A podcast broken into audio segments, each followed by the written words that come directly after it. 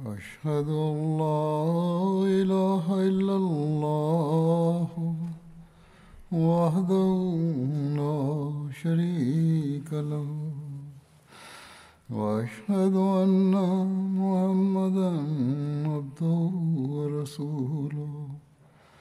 أما بعد فأعوذ بالله من الشيطان الرجيم. بسم الله الرحمن الرحيم. الحمد لله رب العالمين. الرحمن الرحيم. مالك يوم الدين. إياك نعبد وإياك نستعين.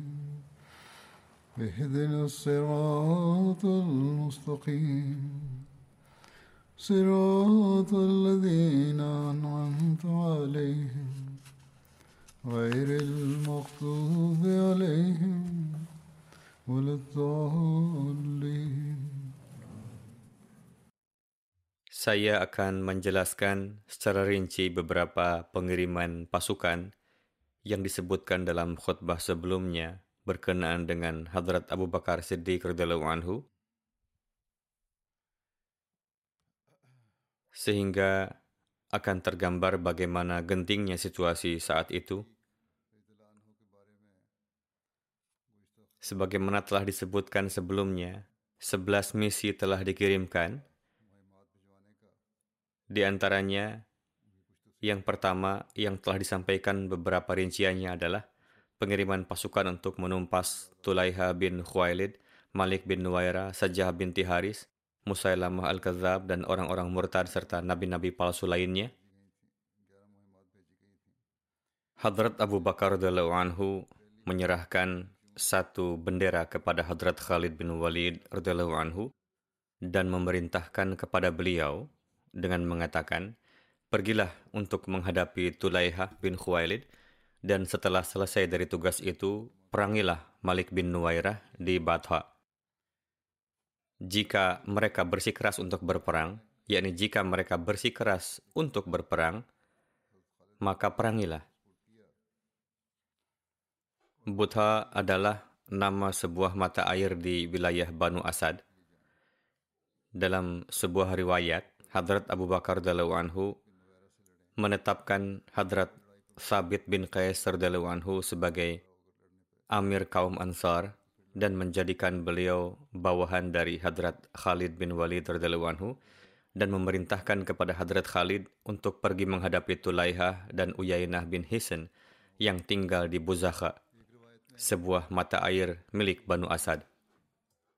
Ketika Hadrat Abu Bakar mengikat, mengikatkan bendera bagi Hadrat Khalid bin Walid untuk memerangi orang-orang murtad, beliau bersabda, saya mendengar Rasulullah Sallallahu Alaihi Wasallam bersabda bahwa Khalid bin Walid adalah hamba Allah yang sangat baik dan saudara kita yang merupakan salah satu pedang Allah yang Allah Ta'ala hunus untuk melawan orang-orang kafir dan munafik.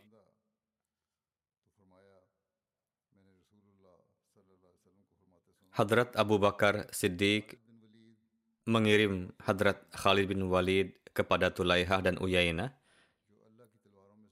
Profil singkat dari keduanya akan saya sampaikan. Tulaihah Asadi adalah salah seorang pendakwa kenabian palsu yang telah muncul pada masa terakhir kehidupan suci Hadrat Rasulullah Sallallahu Alaihi Wasallam.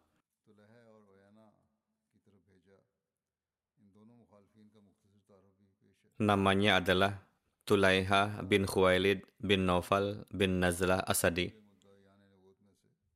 Pada Amul Wufud, yakni tahun kedatangan para delegasi yang terjadi pada 9 Hijriah, Tulaiha datang ke hadapan hadrat Rasulullah bersama kaumnya Banu Asad.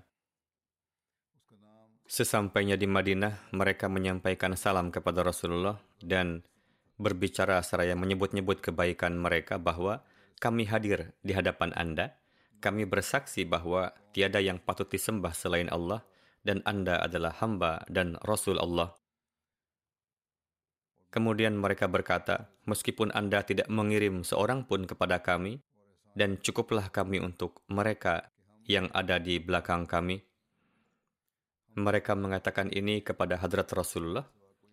Ketika mereka pulang, maka di masa kehidupan Hadrat Rasulullah SAW jugalah Tulaiha menjadi korban kemurtadan dan mendawakan kenabian dan menjadikan Semira sebagai tempat pemusatan pasukannya.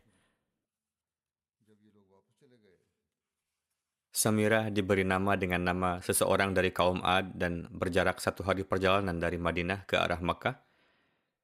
Daerah ini dikelilingi oleh pegunungan hitam. Itulah sebabnya tempat itu dinamakan demikian. Singkatnya, dikarenakan pendakwaannya, kemudian orang-orang awam menjadi pengikutnya. Penyebab pertama kesesatan orang-orang itu adalah Suatu ketika ia melakukan perjalanan bersama dengan kaumnya. Mereka kehabisan air, sehingga orang-orang sangat kehausan.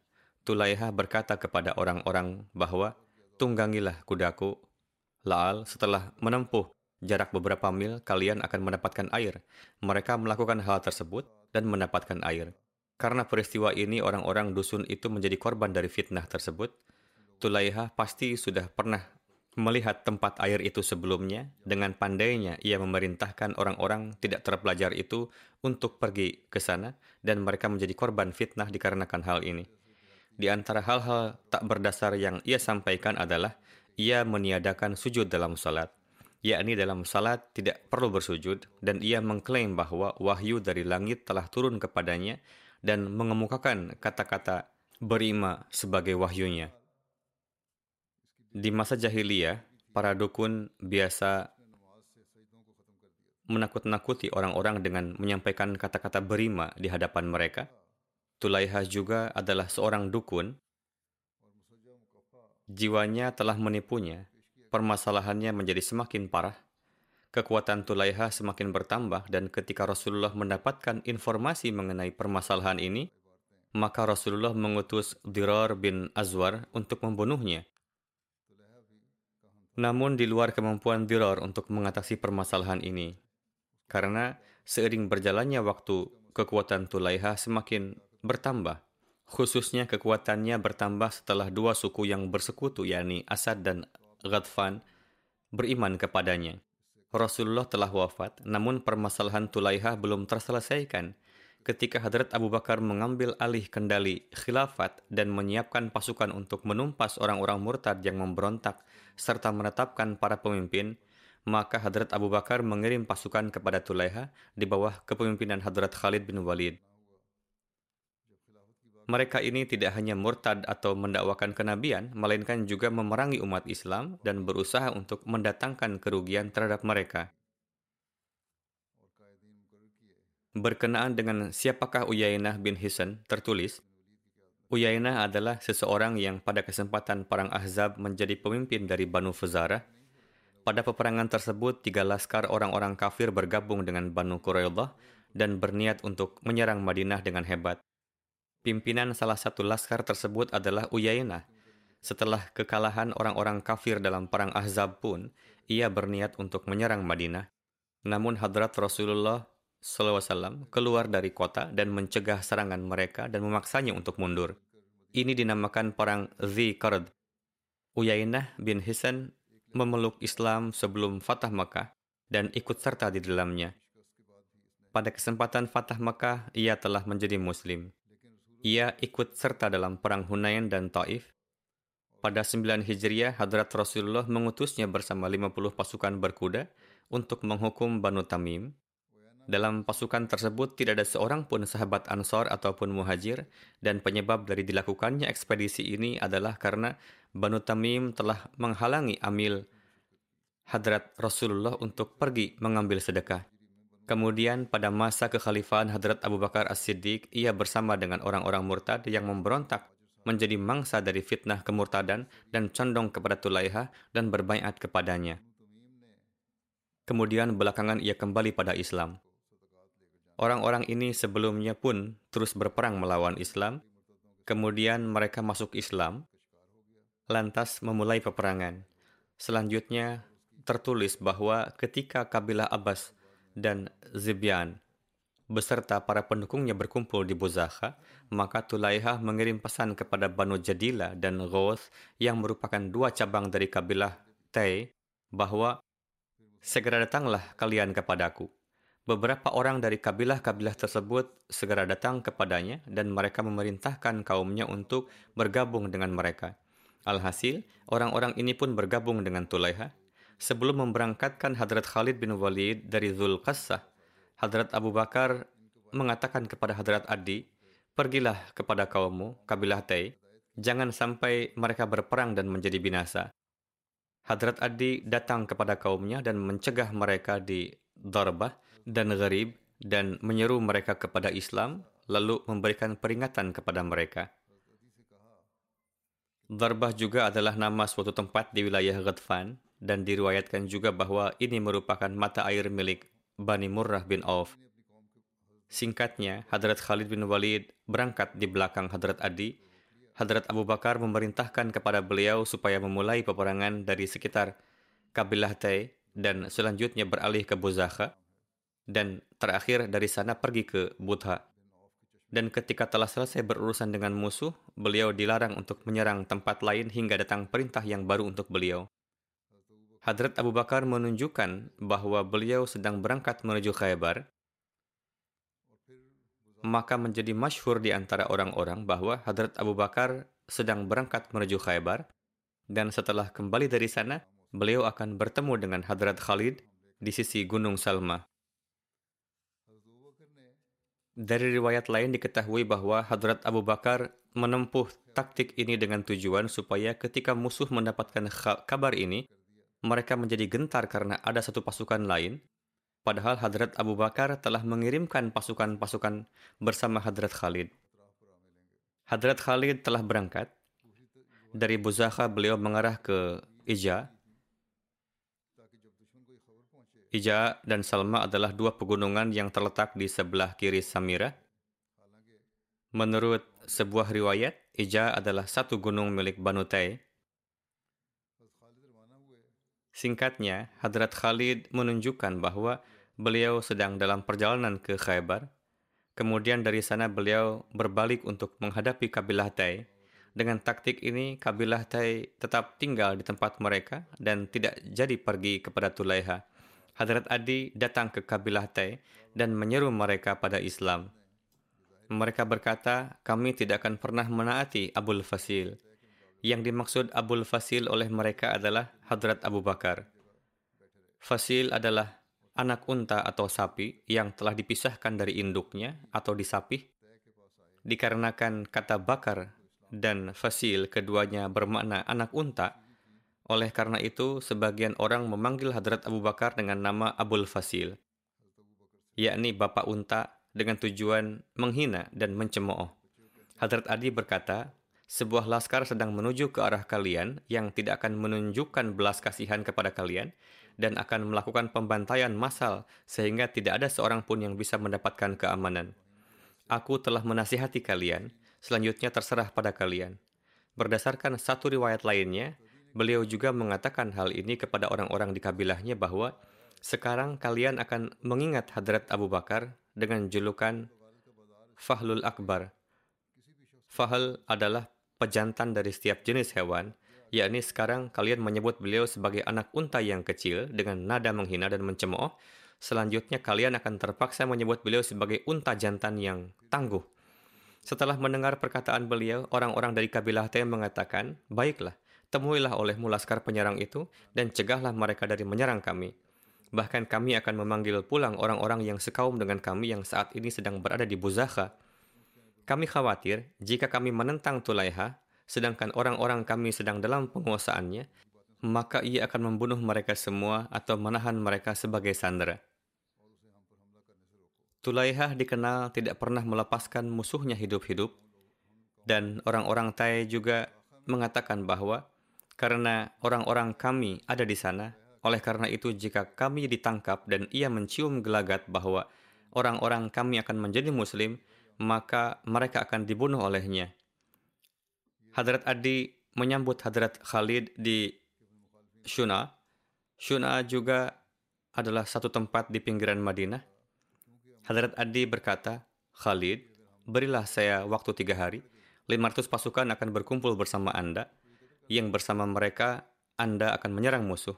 Ini lebih baik daripada Anda memasukkan mereka ke dalam api neraka. Yakni orang-orang dari kabilah Tay akan menyertai Anda dan berperanglah bersama mereka. Hadrat Khalid menyetujui usulan beliau tersebut. Hadrat Adi datang menemui kaumnya.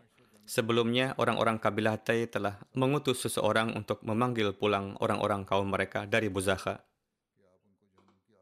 Orang-orang kabilah yang ada di pasukan Tulaiha telah menyampaikan pesan kepada anggota pasukan mereka supaya mereka dapat pulang dengan segera karena kaum muslim sebelum mereka menyerang pasukan Tulaiha sebelumnya telah berkeinginan untuk menyerang kabilah Tai. Oleh karena itulah mereka kembali dan mereka telah menahan serangan itu. Inilah upaya yang telah mereka tempuh. Alhasil mereka pun kembali ke kaum mereka sebagai pasukan bala bantuan jika tidak melakukan hal ini, maka Tulaiha beserta rekan-rekan mereka tidak akan membiarkan mereka hidup. Kemudian Hadrat Adi menyampaikan kepada Hadrat Khalid perihal telah kembalinya kabilah beliau untuk memeluk Islam. Seorang penulis telah menulis bahwa salah satu jasa Adi yang terbesar adalah beliau telah mengajak kaumnya agar masuk menjadi bagian tentara Islam. Masuknya Laskar Banu Tay ke dalam pasukan Hadrat Khalid merupakan kekalahan pertama dari musuh, karena kabilah Tay termasuk di antara beberapa kabilah yang terkuat di seluruh jazirah Arab. Kabilah-kabilah lainnya menaruh hormat kepada mereka, dan dari segi kekuatan dan ketahanan, ia adalah kabilah yang ditakuti. Di wilayahnya, mereka telah meraih kemenangan dan sangat dihormati. Kabilah-kabilah di sekitar mereka terus berupaya mengadakan perdamaian dengan mereka, Kemudian dari sini Hadrat Khalid bergerak menuju Unsar dengan tujuan untuk menghadapi Jadilah. Unsar adalah nama sebuah mata air milik kabilah Tay. Hadrat Adi berkata kepada mereka bahwa terdapat pemukiman di sekeliling mata air tersebut. Hadrat Adi menyampaikan kepada mereka, permisalan kabilah Tay adalah seperti seekor burung, sementara kabilah Jadilah merupakan salah satu dari dua bahu yang dimiliki oleh kabilah Tay. Mohon Anda memberi tenggang waktu beberapa hari, karena mungkin saja Allah Ta'ala pun akan membawa jadilah menuju jalan yang lurus. Yakni semoga saja mereka menjadi pulih tanpa melalui perang, seperti halnya ia telah mengeluarkan Gos, yakni cabang kedua dari kabilah Tay, dari kesesatan. Jadi demikianlah yang telah ditempuh oleh Hadrat Khalid. Hadrat Adi mendatangi jadilah. Hadrat Adi dengan tanpa henti berunding dengan mereka Hingga pada akhirnya mereka pun bayat kepada Hadrat Adi. Hadrat Adi menyampaikan kabar gembira masuknya mereka ke dalam Islam kepada Hadrat Khalid dan beliau datang kepada kaum muslim seraya membawa seribu prajurit berkuda dari kabilah tersebut. Setelah peristiwa masuk Islamnya kabilah Tay, Hadrat Khalid bin Walid lantas bergerak menuju Tulaiha Asadi. Tatkala Hadrat Khalid bin Walid telah tiba di dekat musuh, maka beliau mengirim Hadrat Ukashah bin Mehsan dan Hadrat Sabit bin Akram agar bergerak memata-matai keadaan musuh tatkala mereka telah tiba di dekat musuh, mereka langsung bergerak untuk mengamati dan mencari tahu posisi Tulaiha dan saudaranya yaitu Salma. Salma pun tidak mengulur waktu melihat Hadrat Sabit dan ia pun mensyahidkannya. Tatkala Tulaiha melihat bahwa saudaranya telah menyelesaikan tugasnya, maka ia pun menyerunya agar membantunya melawan Ukasha. Bantulah aku, jika tidak, orang ini akan menerkamku. Maka dari itu keduanya bersatu menyerang Hadrat Ukasha dan juga mensyahidkannya, lalu kembali ke tempatnya. Di dalam riwayat lain tertera bahwa suatu ketika Hadrat Khalid mengirim Hadrat Ukashah dan Sabit Ansari untuk memata-matai musuh. Kemudian mereka bertemu Hibal yaitu saudara dari Tulaiha, maka mereka berdua pun membunuhnya. Sampai sejauh mana kebenaran hal ini hanya Allah yang maha tahu. Mungkin mereka hendak berperang dan ketika peperangan terjadi maka mereka pun terbunuh, yakni seandainya jika riwayat ini adalah benar karena sesungguhnya mereka tengah pergi untuk mencari tahu keadaan musuh dan bukan untuk bertempur. Tatkala berita ini sampai ke Tulaiha, maka Tulaiha keluar bersama Salma, saudaranya. Tulaiha lalu mensyahidkan Hadrat Ukasha, sementara Salma, yaitu saudaranya, mensyahidkan Hadrat Sabit. Lalu keduanya kembali. Hadrat Khalid maju bergerak bersama pasukannya hingga tiba di tempat di mana Hadrat Sabit gugur terbunuh. Saat itu tidak ada yang mengetahui peristiwa tersebut hingga secara tiba-tiba ada satu prajurit beliau yang menyentuhnya. Saat itu pasukan muslim menjadi teramat sedih. Kemudian ketika diteliti lebih lanjut, maka didapati bahwa Hadrat Ukashah bin Mahsan pun terbaring telah disyahidkan. Akibat peristiwa ini, kaum muslim semakin sedih. Mereka berkata, dua sosok pemimpin besar muslim dan dua sosok kesatria berkuda muslim telah gugur. Melihat keadaan ini, Hadrat Khalid mengatur kembali barisan pasukan beliau untuk bertempur dan kembali ke tempat kabilah Tay. Di dalam salah satu riwayat, Hadrat Adi bin Hatim berkata, saya telah mengirim perintah kepada Hadrat Khalid bin Walid Datanglah Anda kemari dan bermukimlah untuk beberapa hari di sini. Saya akan mengirim utusan ke semua kabilah-kabilah Tai, dan saya akan memberikan prajurit dengan jumlah yang lebih banyak dari seluruh prajurit muslim yang ada bersama Anda, dan saya pun akan berangkat bersama Anda untuk menghadapi pasukan musuh. Alhasil, Hadrat Khalid pun tiba.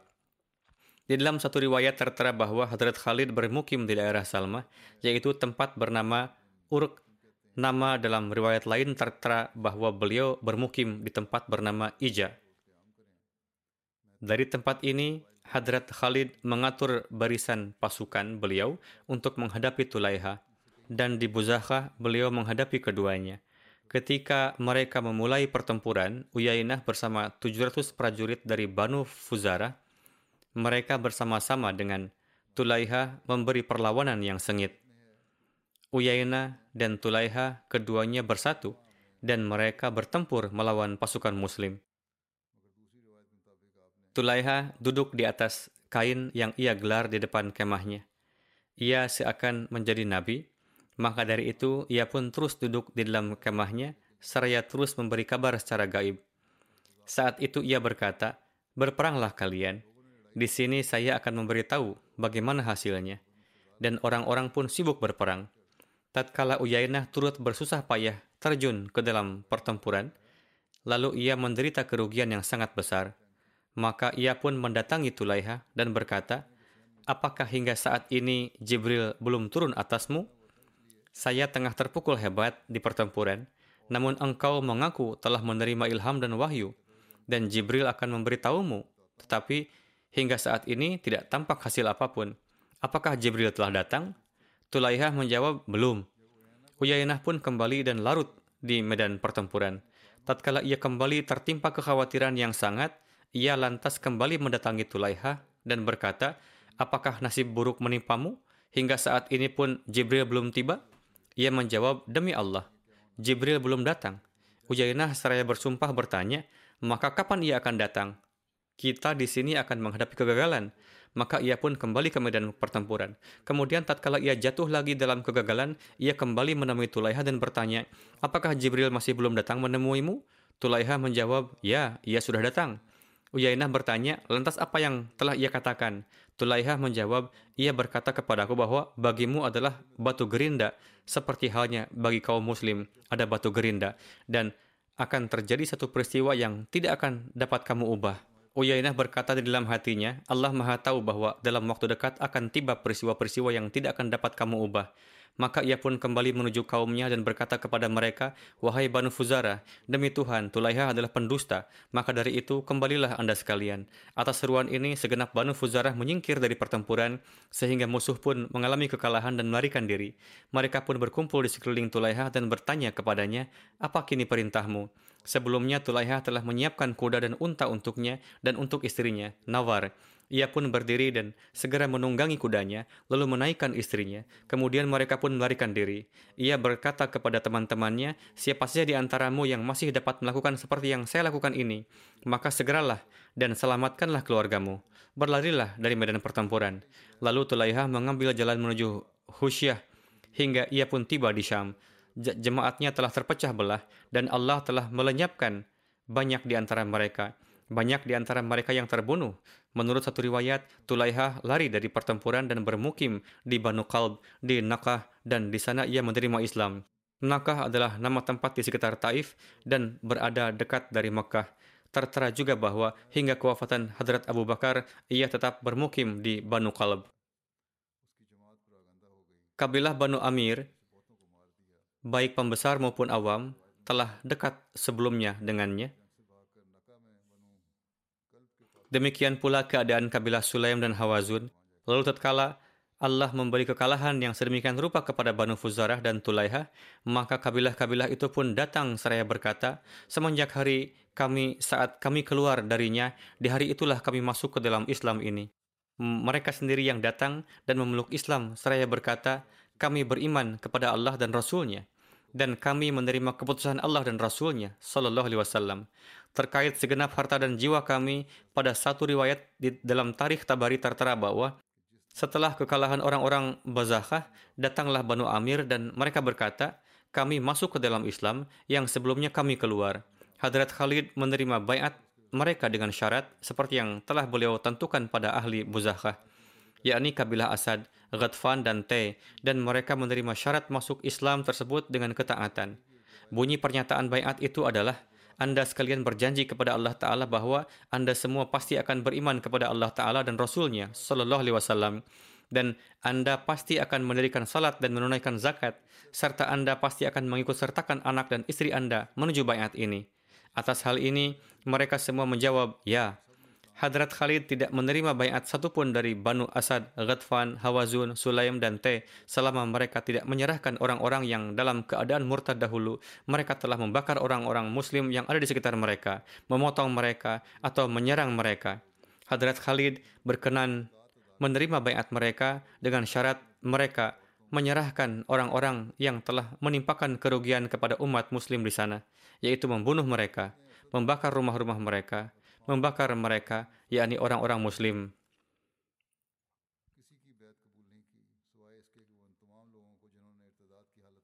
Mereka yang telah memotong dan membakarnya. Inilah segenap hal yang disampaikan oleh Hadrat Khalid, yakni jika Anda menyerahkannya, maka bayat Anda sekalian akan diterima. Lalu semua terdakwa pun dihadapkan pada beliau.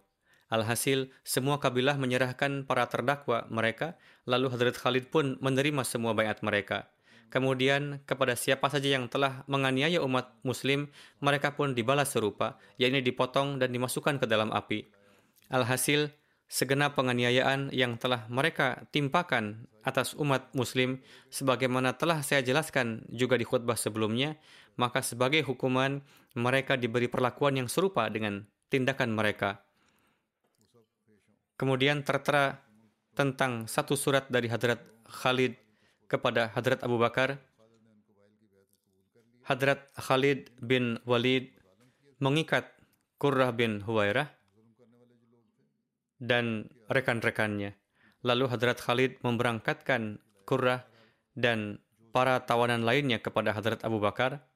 Kemudian Hadrat Khalid menulis kepada Hadrat Abu Bakar, Banu Amir telah masuk kembali ke dalam Islam setelah memisahkan diri dan setelah masa penantian mereka.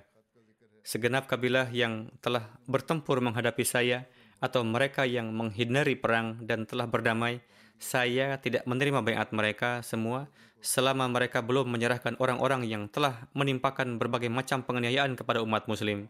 Saya telah membinasakan mereka. Saya kini mengirim kurrah bersama rekan-rekannya ke hadapan huzur, Hadrat Abu Bakar pun telah mengirim satu surat kepada Hadrat Khalid yang ini diriwayatkan oleh Nafi, yaitu dalam menjawab surat ini, Hadrat Abu Bakar menulis kepada Hadrat Khalid, yakni apa pun yang telah Anda lakukan dan keberhasilan yang telah Anda raih, semoga Allah telah memberikan balasan kebaikan atasnya. Takutlah kepada Allah Ta'ala dalam setiap perbuatan. Inna Allah ma'al taqaw wal hum muhsinun. Sesungguhnya Allah bersama dengan orang-orang bertakwa dan berbuat ihsan. Dalam melakukan tugas dari Allah Ta'ala, lakukanlah dengan segenap hati dan janganlah lalai.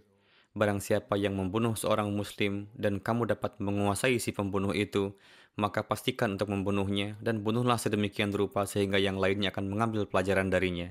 Barang siapa yang membangkang terhadap perintah Tuhan dan menjadi musuh Islam, maka jika dengan membunuhnya Islam akan mendapatkan faedah, maka kamu bisa membunuhnya. Hadrat Khalid tinggal di Buzakhah selama satu bulan. Beliau melakukan pencarian orang-orang seperti itu ke berbagai tempat dan menangkapi mereka, lalu memberikan hukuman keras kepada mereka sesuai dengan perintah Hadrat Abu Bakar Siddiq radhiyallahu anhu.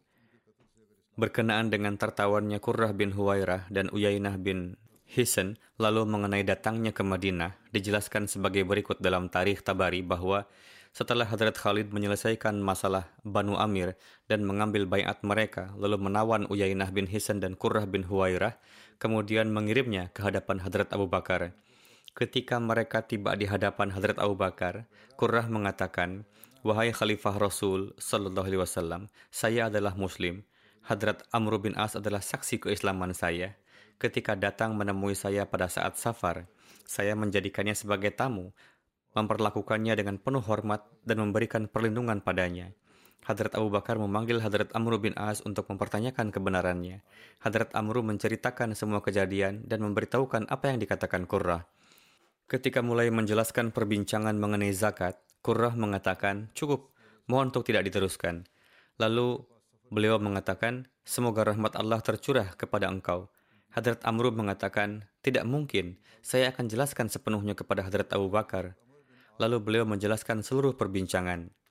Berkenaan dengan zakat, sebelumnya Qurrah telah mengatakan bahwa jika menghentikan tuntutannya, maka Arab akan mendengar, yakni jangan dipungut zakat. Atas hal itu, Hadrat Amru mengatakan, seolah-olah kamu telah kafir. Qurrah mengatakan, kalau begitu silahkan anda tetapkan waktu tertentu untuk memungut zakat. Kita akan bersama-sama memutuskannya, yakni apakah zakat akan dibayar ataukah tidak. Hadrat Abu Bakar memaafkannya. Alhasil, meskipun mendengar keterangannya, Hadrat Abu Bakar memaafkannya dan mengampuni jiwanya. Uyainah bin Hisan datang ke Madinah dalam keadaan di mana kedua tangannya diikatkan ke leher dengan tali. Anak-anak Madinah tengah menusuk-nusuknya dengan ranting pohon kurma sambil mengatakan, Wahai musuh Allah, apakah engkau kafir lagi setelah beriman? Ia menjawab, Demi Tuhan, hingga hari ini saya tidak pernah beriman kepada Allah. Hadrat Abu Bakar memaafkannya dan mengampuni jiwanya. Satu penulis lagi menulis, Uyainah dihadirkan ke hadapan Khalifah Rasul Sallallahu Alaihi Wasallam. Ia mendapati perlakuan maaf dan ampunan yang sedemikian rupa dari Hadrat Abu Bakar, yang mana tidak ia sangka-sangka. Hadrat Abu Bakar memerintahkan untuk membuka ikatan tangannya dan memintanya untuk taubat. Uyainah menyatakan taubat yang tulus dan menyampaikan permohonan maaf dengan mengakui segala kesalahannya, lalu masuk Islam. Setelah itu, ia tetap teguh dalam Islam.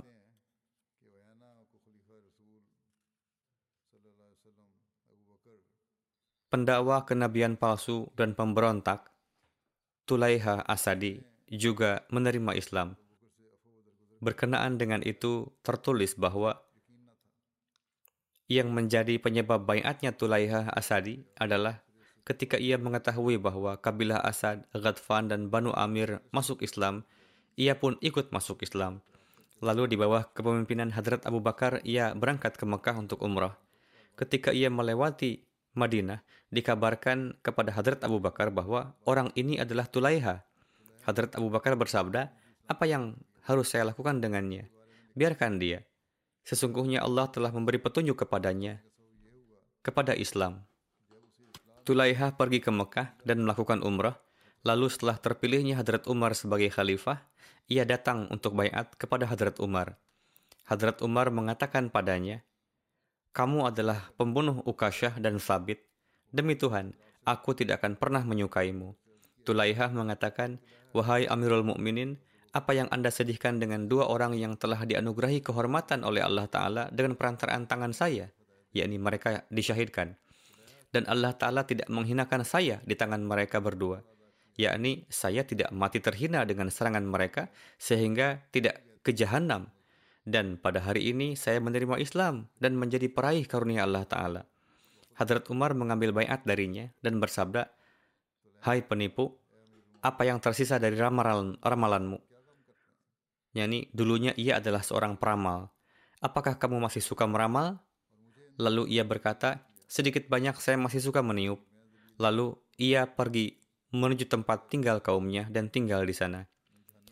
Dalam peperangan Irak, Tulaiha memberikan peranan penting dalam pertempuran menghadapi Iran. Setelah masuk Islam, ia bertempur dalam peperangan Irak dengan baik dan akhirnya syahid pada perang Nahawan pada 21 Hijriah.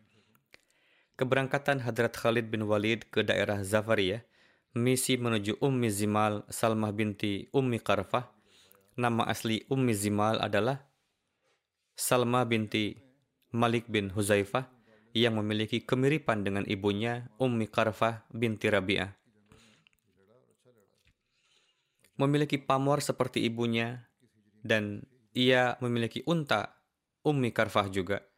Ta'aruf Ummi Karfah adalah nama aslinya Fatimah binti Rabi'ah, merupakan pemimpin Banu Fuzarah yang dianggap sebagai contoh wanita dalam hal ketangguhan dan pengaturan penjagaan.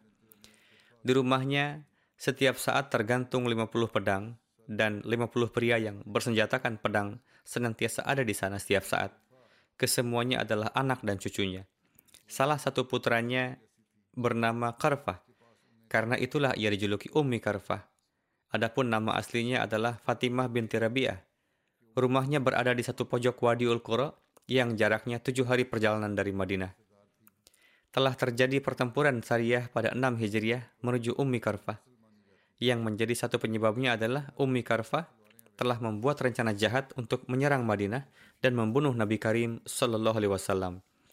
Berkenaan dengan hal itu, seorang penulis menulis, suatu ketika ia menyiapkan satu pasukan yang terdiri dari 30 anak dan cucunya dan memerintahkan untuk menyerang Madinah dan membunuh Rasulullah Shallallahu Alaihi Wasallam. Untuk itulah pasukan muslim membunuh wanita biang kefasadan itu. Penyebab kedua adalah Hadrat Zaid bin Haris berangkat ke Syam untuk tujuan dagang. Beliau juga membawa serta barang dagangan para sahabat lainnya.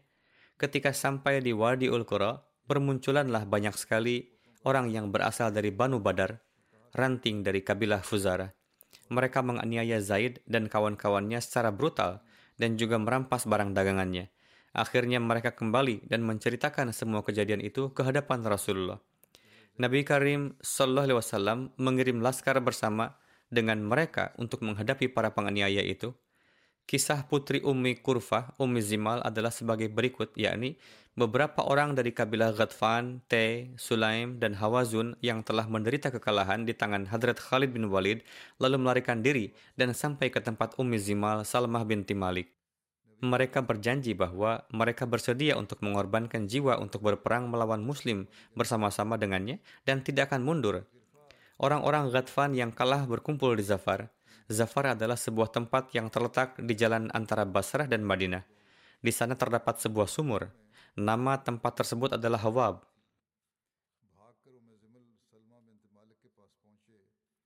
Di dekat Hawab,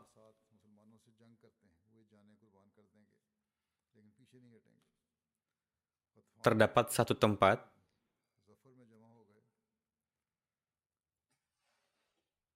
Hawab juga merupakan satu tempat yang terletak di antara Madinah dan Basrah.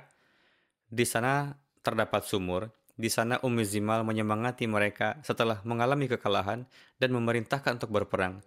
Ia sendiri berkeliling berkali-kali ke berbagai kabilah untuk menggembosi mereka agar melawan Hadrat Khalid bin Walid hingga Berkumpullah orang-orang dengannya dan bersedia untuk berperang. Wanita ini provokator perang melawan Muslim dan orang-orang yang tersesat dari berbagai tempat datang bergabung dengannya.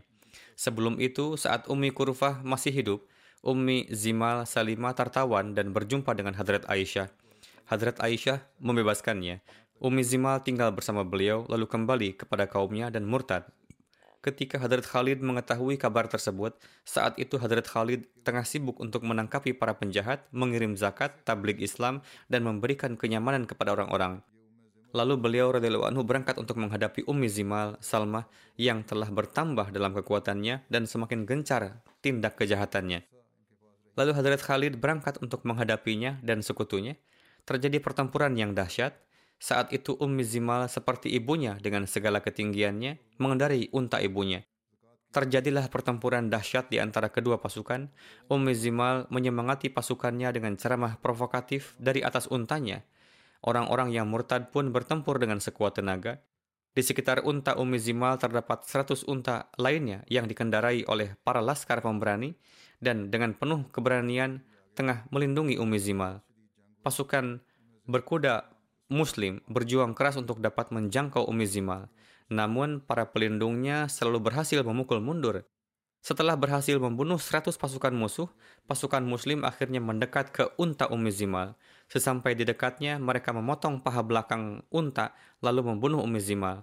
Setelah melihat untanya jatuh dan terbunuh Umi Zimal, kawan-kawannya menjadi putus asa, lalu hilang kesadaran dan melarikan diri dari medan perang. Setelah itu, api kekacauan telah mendingin dan berakhirlah kemurtadan dan pemberontakan di semenanjung timur Laut Arab. Lalu Hadrat Khalid mengabarkan kemenangan tersebut kepada Hadrat Abu Bakar. Berkenaan dengan Hadrat Abu Bakar, ini masih akan terus berlanjut nanti, insya Allah.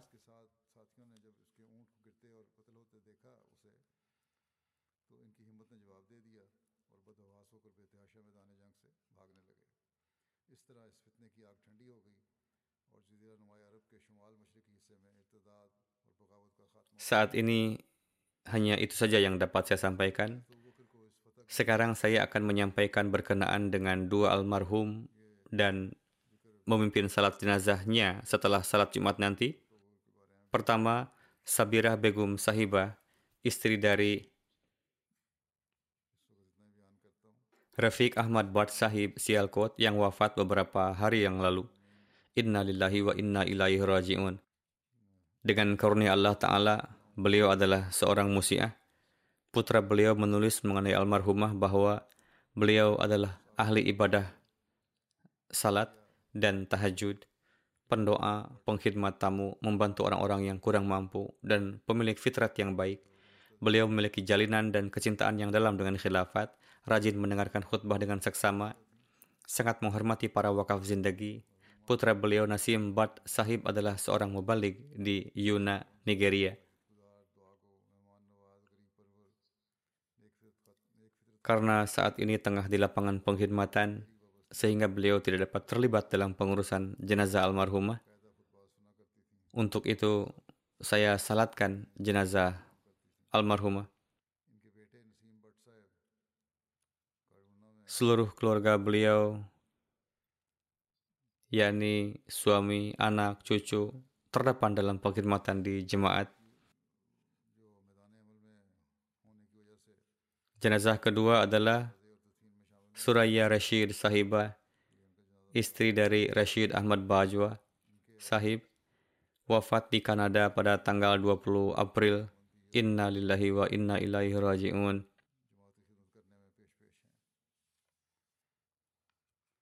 Beliau juga adalah seorang wanita yang sangat mukhlis, mutaki, pendoa, membantu orang-orang yang kurang mampu, pengkhidmat tamu, dan rendah hati. Beliau berkhidmat sebagai ketua LI di daerahnya untuk masa yang lama. Beliau juga mendapatkan banyak taufik mengajar Al-Quran kepada anak-anak. Karena anak-anak beliau mendapatkan taklim dan tarbiyat di Rabuah, beliau pun menjual segala sesuatunya lalu membangun rumah di Rabuah. Mungkin tidak membangun rumah, alhasil beliau datang ke Rabuah. Beliau adalah seorang musiah. Satu putra beliau juga, Safir Bajwa Sahib adalah mubalik di Rabuah. Tidak dapat ikut serta dalam pengurusan jenazah.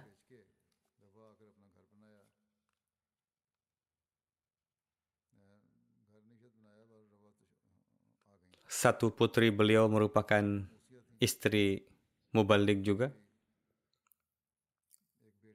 Semoga Allah Ta'ala memberikan maghfirah dan rahmat kepada keduanya dan memberikan taufik kepada anak keturunan beliau untuk melanjutkan segala kebaikan beliau.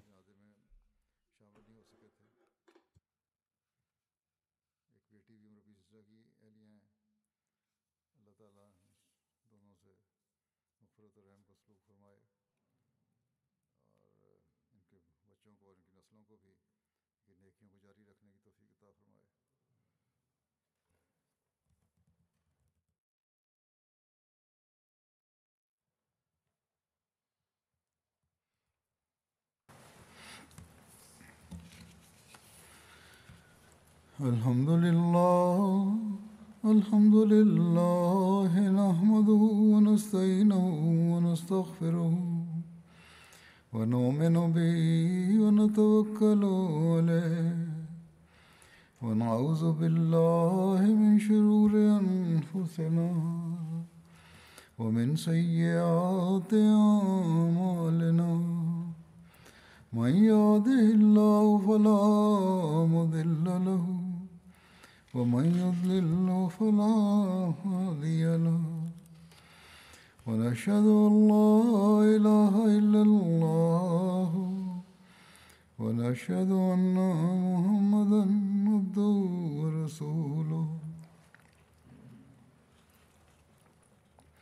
عباد الله رحمكم الله. إن الله يأمر بالعدل والإحسان.